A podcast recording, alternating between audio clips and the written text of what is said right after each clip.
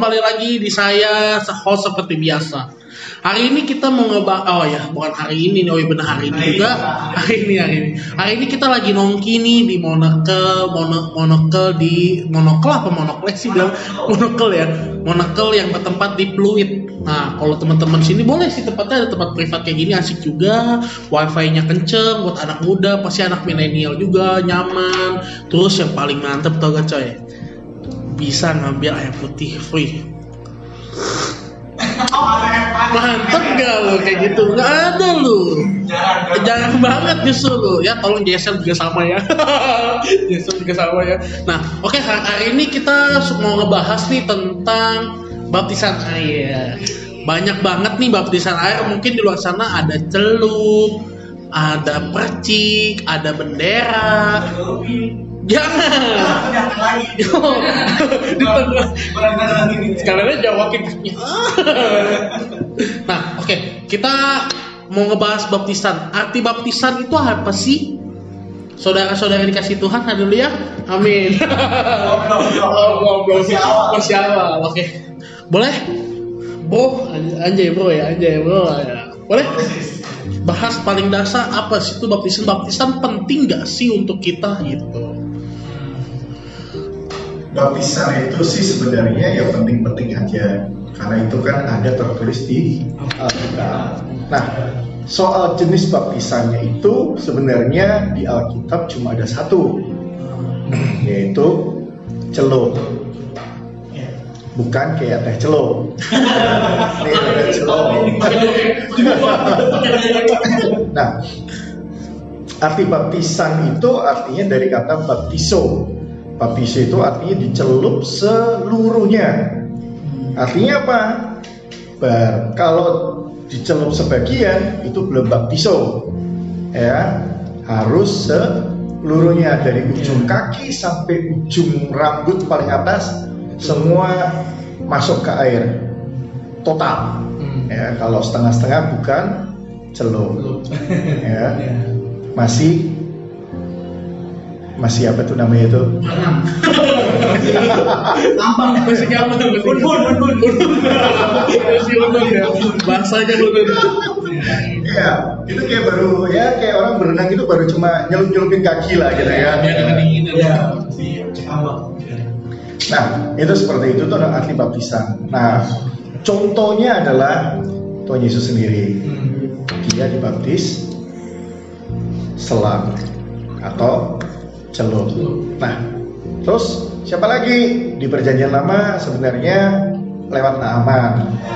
Itu Naaman juga sama. Tapi Naaman tujuh kali, kita mah nggak usah nyampe tujuh kali lah ya. Itu sih sakit kusta ya. ya.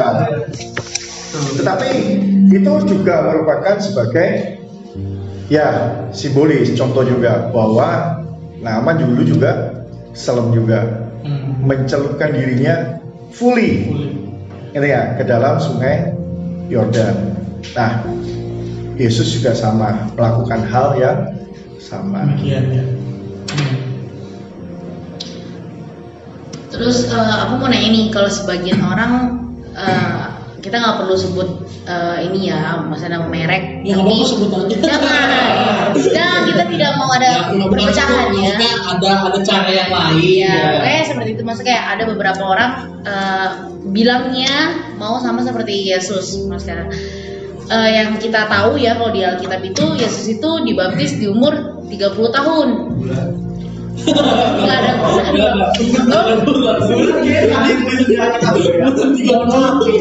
Mohon maaf ya teman-teman. Emang teman saya suka beda sendiri gitu loh ya. Iya, terus di, di umurnya 30 tahun gitu loh. Kalau misalnya kita mau sama seperti Yesus, maka berarti baptisannya harus di umur 30 tahun dong. Kalau seperti itu. Ya enggak juga sih. Itu sebenarnya cuma secara rupiah aja sebenarnya ya kan? Pas memang pada saat itu Tuhan Yesus mau masuk di dalam sebuah pelayanan. Baru dia masuk baptisan terus dibaptis Roh Kudus puasa baru pelayanan.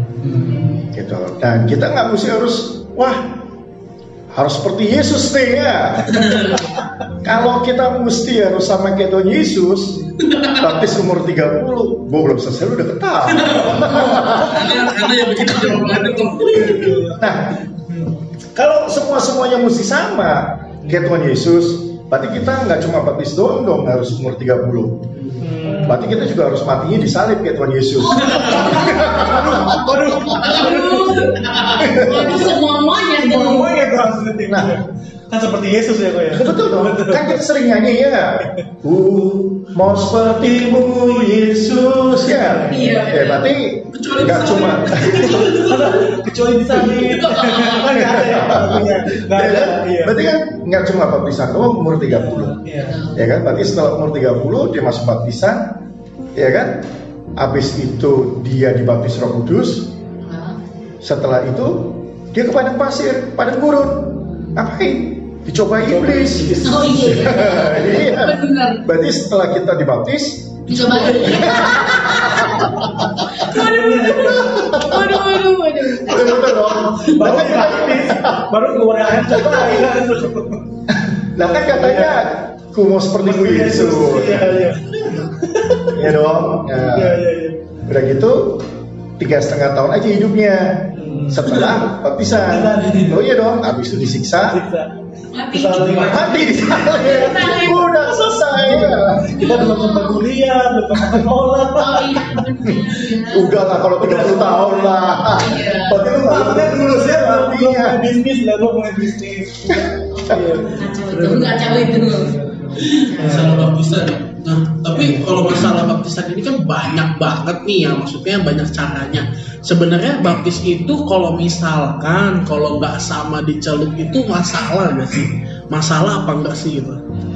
Sebenarnya memang dibilang kan bahwa uh, kita harus hidup sama seperti Kristus setelah hidup. Hidup ya. Harusnya sih kita harus ikuti apa yang menjadi sesuatu yang udah dihidupi oleh Yesus. Iya. Sebenarnya dia contoh hidup. Ya kan kecuali matinya aja kita nggak usah ikutin gitu kan. Cara matinya kita nggak usah ikutin, nggak usah ikutin kalau itu. Nggak usah. Iya. Karena gue tau lah manusia itu kan paling nggak suka yang namanya Mati. ya iya. Iya benar. Ya kan? Ya kan? Pokoknya yang indah-indah kita pasti mau. Ya kan? Tapi kecuali mati, apalagi matinya di disalib. Udah pasti nggak akan mau deh. Nggak ada yang mau, nggak ada yang mau. Iya. Betul, betul. Hmm. Nah, soal jenis baptisan begitu banyak, buat saya sih nggak terlalu apa ya. Ya kalau bisa ikuti ya ikuti, kalau nggak bisa ya ya sudah. Kenapa? Karena soalnya keselamatan itu kan karena anugerah. Hmm. Bukan soal kita dibaptis nggak dibaptis. Ya kan? Bukan karena kita sudah dibaptis atau belum dibaptis. Nah. Karena baptisan itu bukan bukan kalau aku bilang sih itu nggak merupakan tolok ukur kita masuk surga. Oh iya, benar, benar, betul. Betul, betul. Kenapa? Karena gini, repotnya adalah semua pasti ada yang namanya kekecualian. Hmm. Iya. Kekecualian itu apa? Umpamanya penjahat sebelah Tuhan Yesus yang bertobat itu kan belum dibaptis. Tapi ketika dia bertobat, Tuhan Yesus ngomongnya apa? Hari ini juga engkau bersama-sama dengan aku di Firdaus. Iya. Harusnya kan Tuhan Yesus ngomong waktu itu, lu belum dibaptis, lu baptis dulu baru lu pulang Waduh, pulang. waduh, panas sekali ya. Iya, iya. Betul dong. Betul, dong. Nah, yang kedua adalah yang udah masuk ICU, yang baru bertobat. Ya, nah itu yang jadi masalah. Ya, yang istilahnya udah sekarat mau mati nggak bisa lu masuk surga, ya kan? Kenapa? Belum dibaptis. Lu belum dibaptis. Waduh. ya kan? Terus ngomongnya apa? Udah percik aja. Wah, itu nggak Alkitabiah. Alkitab ngomongnya celup, celup, mati lah sudah itu orangnya. Udah di ICU. Dicelup. Nah, makanya sering kali akhirnya eh, ya memang sih kalau kita masih sehat, masih seger, masih kuat, ya paling nggak ikuti. ya Iya. kan? Tapi kalau seandainya punya gereja merek lain nggak seperti itu gimana? Ya itu urusan mereka. ya kan? Nah, kita nggak punya hak untuk mengkritik ya kan atau menyalahkan cara orang lain dalam mengabarkan Injil ya kan karena yang paling penting adalah mereka terima Yesus sebagai Tuhan dan Juru Selamat. Itu yang paling penting sebenarnya. Ya kan? Nah nomor dua memang kasarannya sahnya adalah atau ya oke baptis. Itu lebih kasarnya lebih cum lagi. Nah, Oh, itu cuma stempel ya. betul betul. Oke. tapi bukan berarti nggak ada baptisan.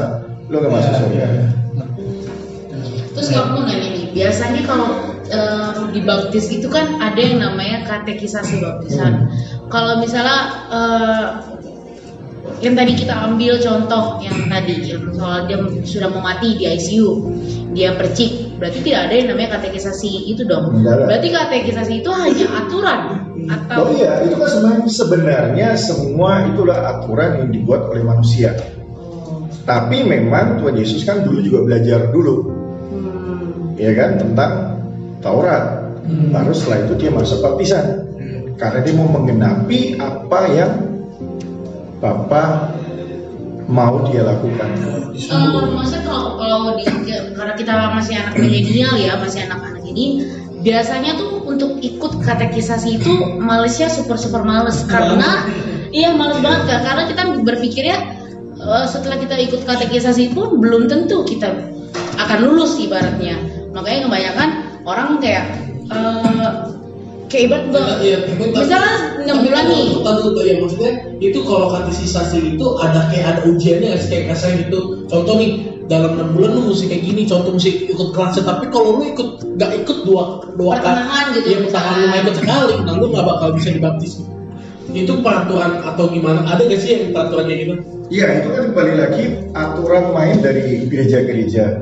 Iya. Ya kan, sebenarnya aturan itu baik supaya pasti supaya kamu tuh baptis bukan karena kamu disuruh orang tua, bukan karena kamu mau menikah. Ya kan?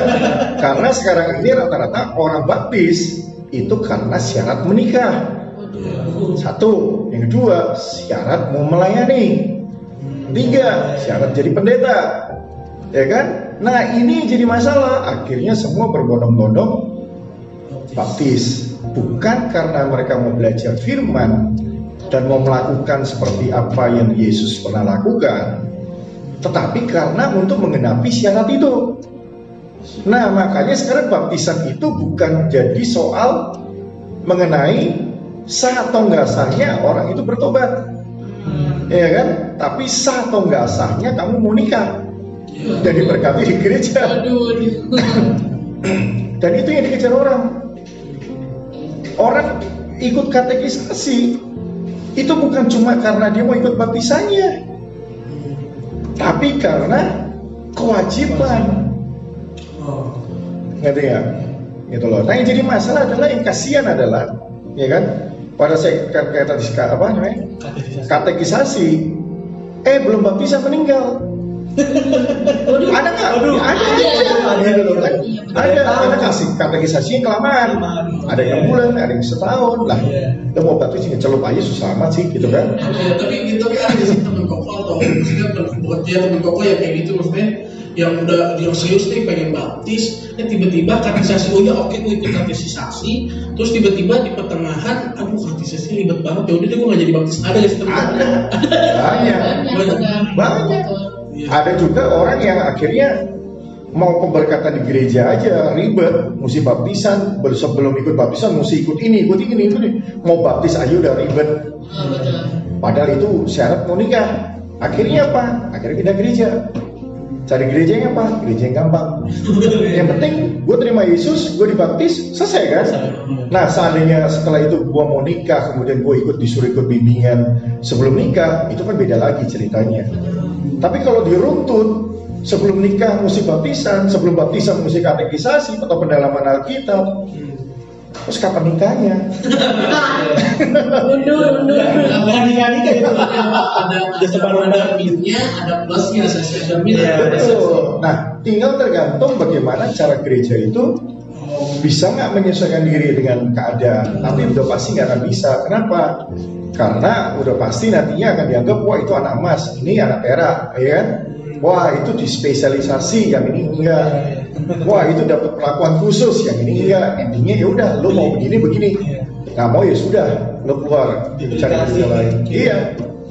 Nah ini akhirnya jadi masalah, problem sendiri di dalam sebuah gereja, gitu kan. Nah sama juga, ya kan orang udah ikut baptisan percik di sebelah sana, dia menikahnya di gereja yang mesti baptisan selam. Masalah lagi, masalah. Karena dianggapnya apa? Itu nggak. Ya kan? Bagus ulang Akhirnya baptis bukan ulang. Baptisnya penggenapan. Guys? Oh iya, penggenapan. Karena menggenapi seperti apa yang dilakukan oleh Tuhan Yesus. Oh. Jangan ngomong baptis ulang, di situ belum baptis ulang. Di baptis juga belum, kan baru dipercik. Oh iya benar ada basket. Ya kan? Baptis percik artinya apa kan masih baru belum full. Baptiso belum belum full baptiso. Ya kan dianggapnya seperti itu. Makanya sebenarnya yang benar yang mana? Ya ribet. Kalau ngomong bener nggak bener Itu itu ribet lah. Itu urusan Tuhan lah. Ya kalau dibilang bener ada benernya, dibilang salah juga ada salahnya. Nah, kayak kita nggak bisa ngejawab kalau kita jawab itu jatuh kita menghakimi. Nah, kalau kita ngomong yang bener nih, Hmm. ya baptisan, lu mau seperti Tuhan Yesus, ya udah umur lu 30. Hmm. Wajib tuh, baptis tuh umur 30. Persis dong apa yang Tuhan Yesus lakukan. Tapi nggak boleh di kolam renang, Dan sungai Yordan. Waduh, kesalahan Israel. harus wajib. Baru sah, sah melakukan seperti apa ya Yesus Harus lakukan. lakukan. Lo mau nang, jangan nanggung-nanggung kalau mau ikut Yesus. Betul nggak? Kan kita disuruh copy paste. Waduh, waduh, jauh juga ya mesti Oh, Ya Israel. kan? Kalau kalau penyerahan anak sama baptisan tuh sama gak sih? Beda, Beda ya? beda. Hmm. Sebenarnya pada waktu itu sama kayak Tuhan Yesus masih kecil, Nah, Tuhan Yesus dibawa ke Bait Allah. ya. Ya kan di situ ada yang namanya Simeon, Hmm. seorang nabi yang udah tua sekali, nggak boleh mati. Oh iya, nggak boleh mati. Ya, dia udah ngomong, Tuhan aku udah tua, udah lanjut umur, panggil aku pulang. Tuhan bilang enggak. Dulu, gitu. Nah dulu, tugas lu belum selesai. Kenapa? Nunggu Yesus lahir. Nah, begitu Yesus lahir, ya enggak? Itu pun dia belum boleh mati lagi. Belum. Kenapa? Yesus belum dibawa ke bait Allah. ya kan? Begitu Yesus dibawa ke bait Allah, ya kan? Dan ketemu dia, baru setelah itu, ya? Tuhan selesai ya? Ya udah, deh. Nah, dari situlah maka terjadi yang namanya penyerahan anak. Yesus aja kan dibawa ke bait Allah untuk diserahkan. Tapi kalau misalkan kalau misalkan kalau kalau begitu perlu dibaptis lagi gak gitu? Apa maksudnya udah sah kalau penyerahan itu udah sah? Oh belum. belum. Karena Yesus sendiri setelah penyerahan, setelah diserahkan dia masih tetap umur 30 dibaptis. Oh, oke. Karena yang kita tahu sih penyerahan dia pasti udah kayak baptisan. Baptisan, iya. Nah, kalau umroh kok masalah gak sih? Sebenarnya gini, zaman dulu sama zaman sekarang beda. Ya. Anak zaman sekarang, ya kan, itu sudah ngerti apa yang dia lakukan. Beda kita sama zaman dulu. Dulu, iya. Cara berpikir kita nggak semodern sekarang. Jadi ketika seorang anak sekarang udah menyerahkan dirinya untuk terima Yesus, umur 9 tahun, udah ngaku Yesus Tuhan, boleh nggak dibaptis? Boleh. Boleh, sah sah aja. Kenapa? Karena Alkitab tidak menuliskan soal Umur. Atau kan umurnya berapa? patokan. Iya. Nah kalau dipatok ya sama kayak Yesus tadi, gitu. umur 30. sancap baru deh itu deh. Iya. Itu baru boleh baptis. Sebelum 30 Iya. lo nggak boleh baptis, karena nggak sesuai. Iya. Makanya kalau kita mau cari celahnya, celahnya pasti ada aja. Ada aja ya benar-benar. Nah, tapi sekarang jadi masalah kayak kayak sama kayak soal anggur perjamuan terima juga. Ada nggak dasarnya? Harus umur 12 lebih atau setelah dibaptis? Enggak. Enggak. Umur 7-8 tahun boleh ya? Boleh aja, nggak ada masalah. Kenapa nggak masalah? Selama dia sudah terima Yesus sebagai Tuhan, dia mengaku bahwa dia percaya Yesus. Boleh nggak? Boleh. Tapi jadi masalah orang tua dulu menganggap bahwa anak di bawah umur 10 tahun itu masih bau kencur. Belum tahu apa-apa dan nggak bisa memutuskan apa-apa. Nah, Tapi yang jadi masalah, bisa nggak anak umur 5 tahun terima Yesus? bisa. Bisa, Bisa banget. Tapi apakah orang tua percaya bahwa dia sudah terima Yesus? Enggak. Enggak. Sulit. Benar. Nah, akibatnya apa? Nggak bisa terima anggur perjamuan. Nah, ini yang jadi masalah. Peraturan itulah akhirnya membuat orang terjebak di situ. Tapi memang kalau nggak ada peraturan, liar Iya, juga, juga. gitu kan? Iya. Ya memang serba salah. Iya. Semua ada plus, ada minusnya. Betul. Ya kan? Tinggal terserah gereja mana. Mau melakukan apa, ya itu bukan urusan kita. Iya. Benar. Betul dong. Iya, betul. Karena bukan hak kita untuk menghakimi dia benar, dia salah. Betul, benar. Itu bukan urusan kita. benar. Nah, maka dari itu kalau kita baca dari Filipi 1 ayat 15 sampai 18. Yang penting adalah nama Yesus diberitakan. Soal caranya gimana? Itu bukan urusan kita membenarkan atau menyalahkan. Betul. Setuju. Itu urusan siapa? Tuhan. Tuhan sendiri yang akan jadi hakim atas mereka. Kita nggak perlu, ya kan terus kita nulis lagi di account, ya account gereja nggak beres gitu kan, account gereja nyeleweng gitu. Itu bukan bagian kita dan Iya. itu bukan haknya kita untuk Iya. menghakimi dan jadi hakim atas mereka. Hmm, hmm. Kayak hari ini kita ngomong soal baptisan, bukan berarti yang seperti ini yang paling benar, yang itu salah. Iya juga. Karena total semuanya juga salah. Ya tadi gue bilang, kalau mau ngikutin Alkitab, benar-benar Alkitab, baptis umur berapa? 30. Dan mesti hafal Dan mesti harus Taurat. hafal Taurat. Ya kan? Dalam bahasa Ibrani. Ya betul dong. Yesus hafal Taurat waktu kecil. Dan itu dalam bahasa Ibrani. Loh, kalau kita ngeliat gereja seberang, ya kan? Mereka aja harus hafal. Dari kecil mereka diajarin. Bahasanya ya bahasa bahasa mereka. Ya, bahasa Timur Tengah. Masa kita kita aja kagak pernah diajarin ngomong soal bahasa ibu, bahasa Alkitab. Ya kan? Nah, setelah itu nggak cuma itu doang, harus di sungai Yordan tempat di mana Yesus di dibaptis. Nah, kalau kita mau letter ini semua ikutin. Jangan cuma setengah-setengah. Tapi jadi masalah. Ya, Tuhan masalah nggak soal itu? Enggak. Enggak. Yang penting terima Yesusnya. Yes. Soal itu setelah sisanya adalah itu cuma urusan ya ya administrasi lah itulah. Lah ya. Iya mau masuk surga aja ribet. Iya, benar ya. Nyusahin. Iya. Eh, repot. Ya, terus apa lagi? Ada lagi. Terus kalau gua nggak baptis, nggak masuk surga dong? Enggak juga. Kita nggak bisa bilang enggak juga. Kita nggak bisa juga bilang iya terserah Tuhan. Iya. Ya kan kalau zaman dulu nih orang contoh-contoh ya contoh orang-orang Sodom dan Gomora keji gak? Keji tapi kalau Tuhan mau dia masuk surga gimana? Kasarnya kan gitu kan? Ya terserah dia gitu punya peraturan di bumi ya kita terserah dia gitu kasarnya kita nggak bisa iya kata-kata nggak bisa kita komen gitu. Iya, iya.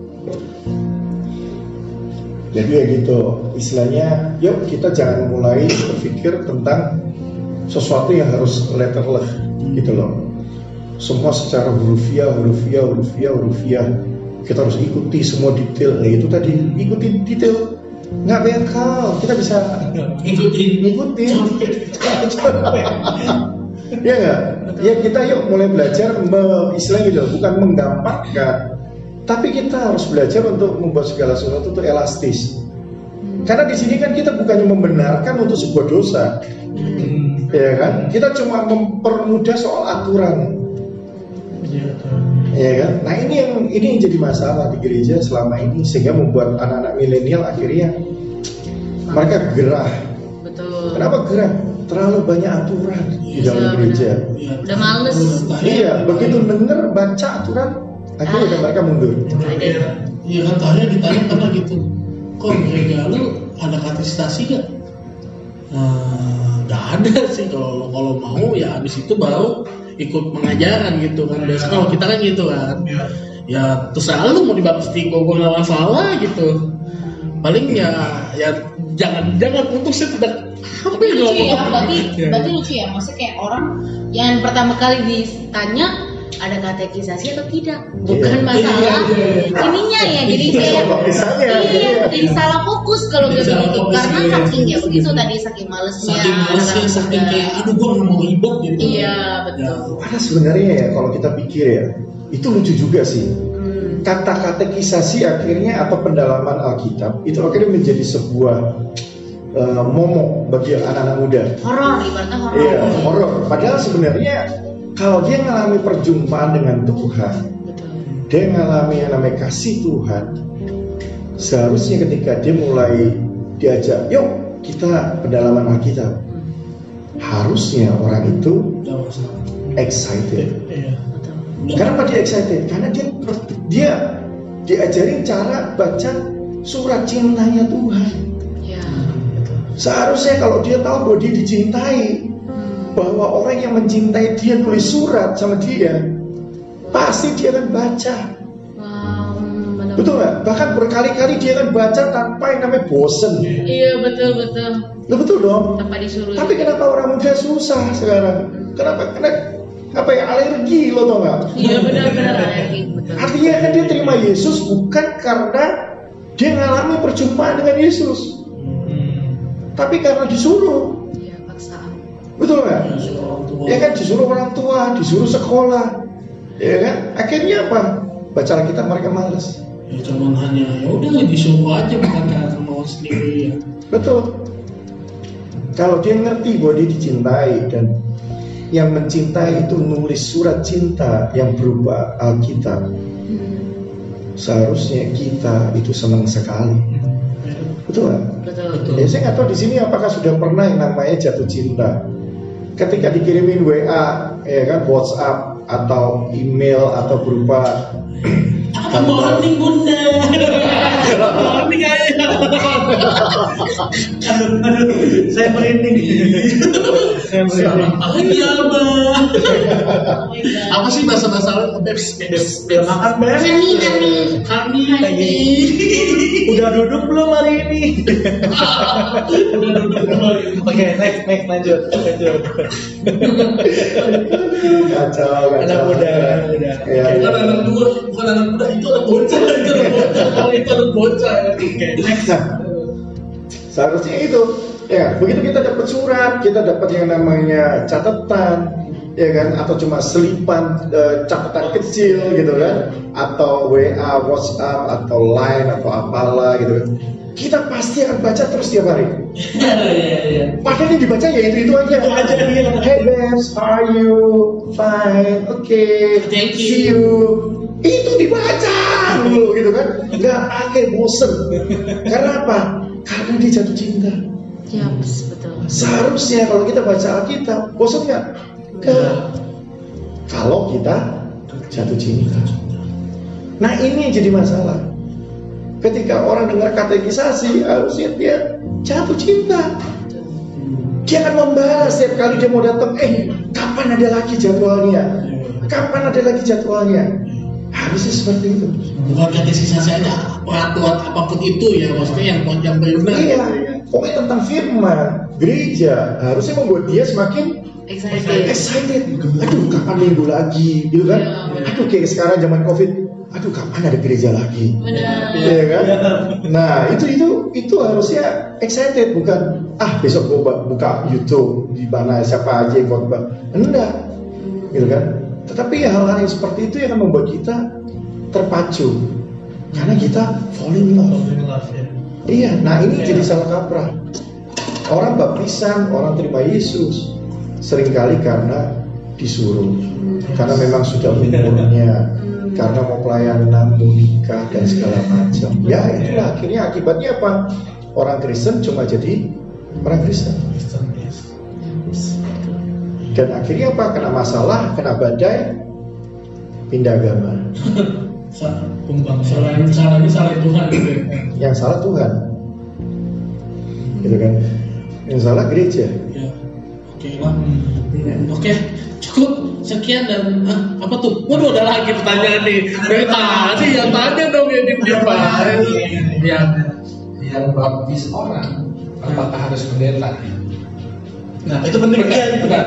Ini benar. Lalu yang kedua adalah eh, apakah seorang pendeta berhak menentukan orang itu layak dibaptis atau tidak? Bagus nih, bagus. Nih, bagus, Bagus, bagus. bikin bagus, bikin kita dihina, bikin kita dihina nggak apa-apa, jawab aja, nggak apa-apa, jawab aja, kita terima, harus dikirim, banyak, ini banyak banget pertanyaan seperti ini banyak. Ah, yang jadi masalah dulu waktu Yohanes pembaptis, baptis Tuhan Yesus, dia bukan pendeta. Dia boleh dibilang ya keturunannya imam, keturunan pendeta, tapi Dia belum sah jadi pendeta, Iya. gitu kan? Nah, karena apa? Karena nggak ada gelar pendeta dulu. So, bagaimana dengan zaman sekarang? Apakah dibaptis harus pendeta? Harus. Karena apa harus? Kalau nggak dianggap nggak sah. Kan nggak ada surat baptisannya ya. Kalau punya tahu bahwa lu udah dibaptis apa belum? Lagi itu ya balik Aturan gereja. Aturan Gereja gereja. ya ya aturan gereja. Mau nggak mau. Ya kan? Nah, sekarang jadi masalah adalah apakah pendeta bisa membuat eh, apa namanya? Ya? lu layak atau nggak layak? Ya sebenarnya dia cuma sebenarnya bukan soal layak atau nggak layak, Hmm. Tapi sebenarnya dia cuma mau memastikan bahwa lu tuh udah terima Yesus atau belum. Hmm. Iya. Ya kan? Kalau udah terima Yesus, ya ayo monggo dibaptis. Itu doang sih sebenarnya. Simple. ya. Iya, tapi kalau ah, sorry lu nggak layak untuk dibaptis. Wah itu sih jujur ya. Gua, gua sih ilfil gua. Down.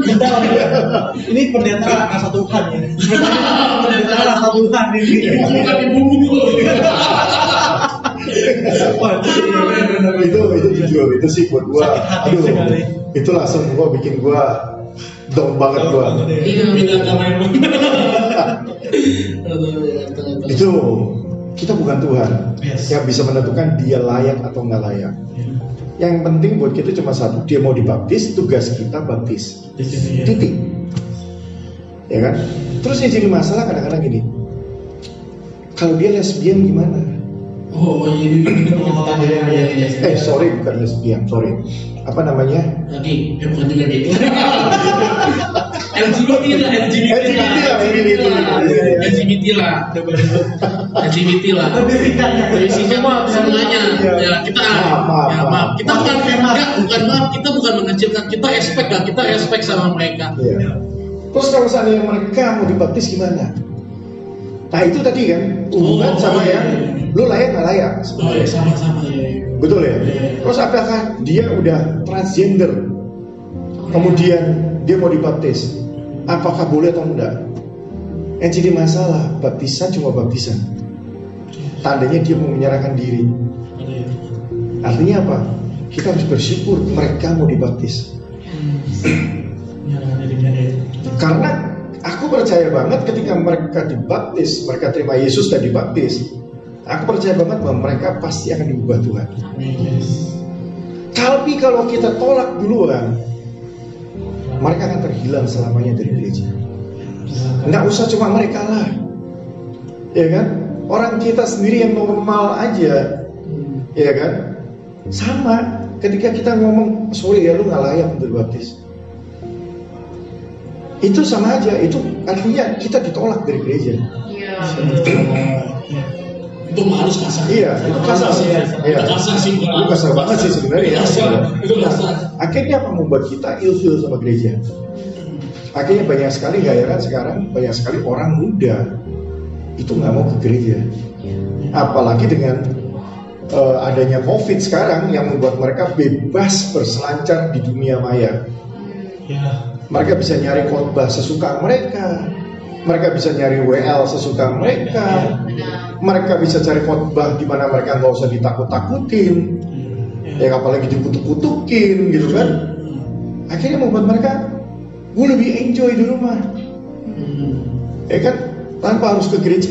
gue ke gereja juga ditakut-takutin diomel-omelin dari mimbar gitu kan mesti harus begini harus begitu harus begini harus begitu Mendingan di rumah lebih enak Rumah ASEAN, bisa mandi. Iya, gitu kan. Iya, lu sambil makan, berarti.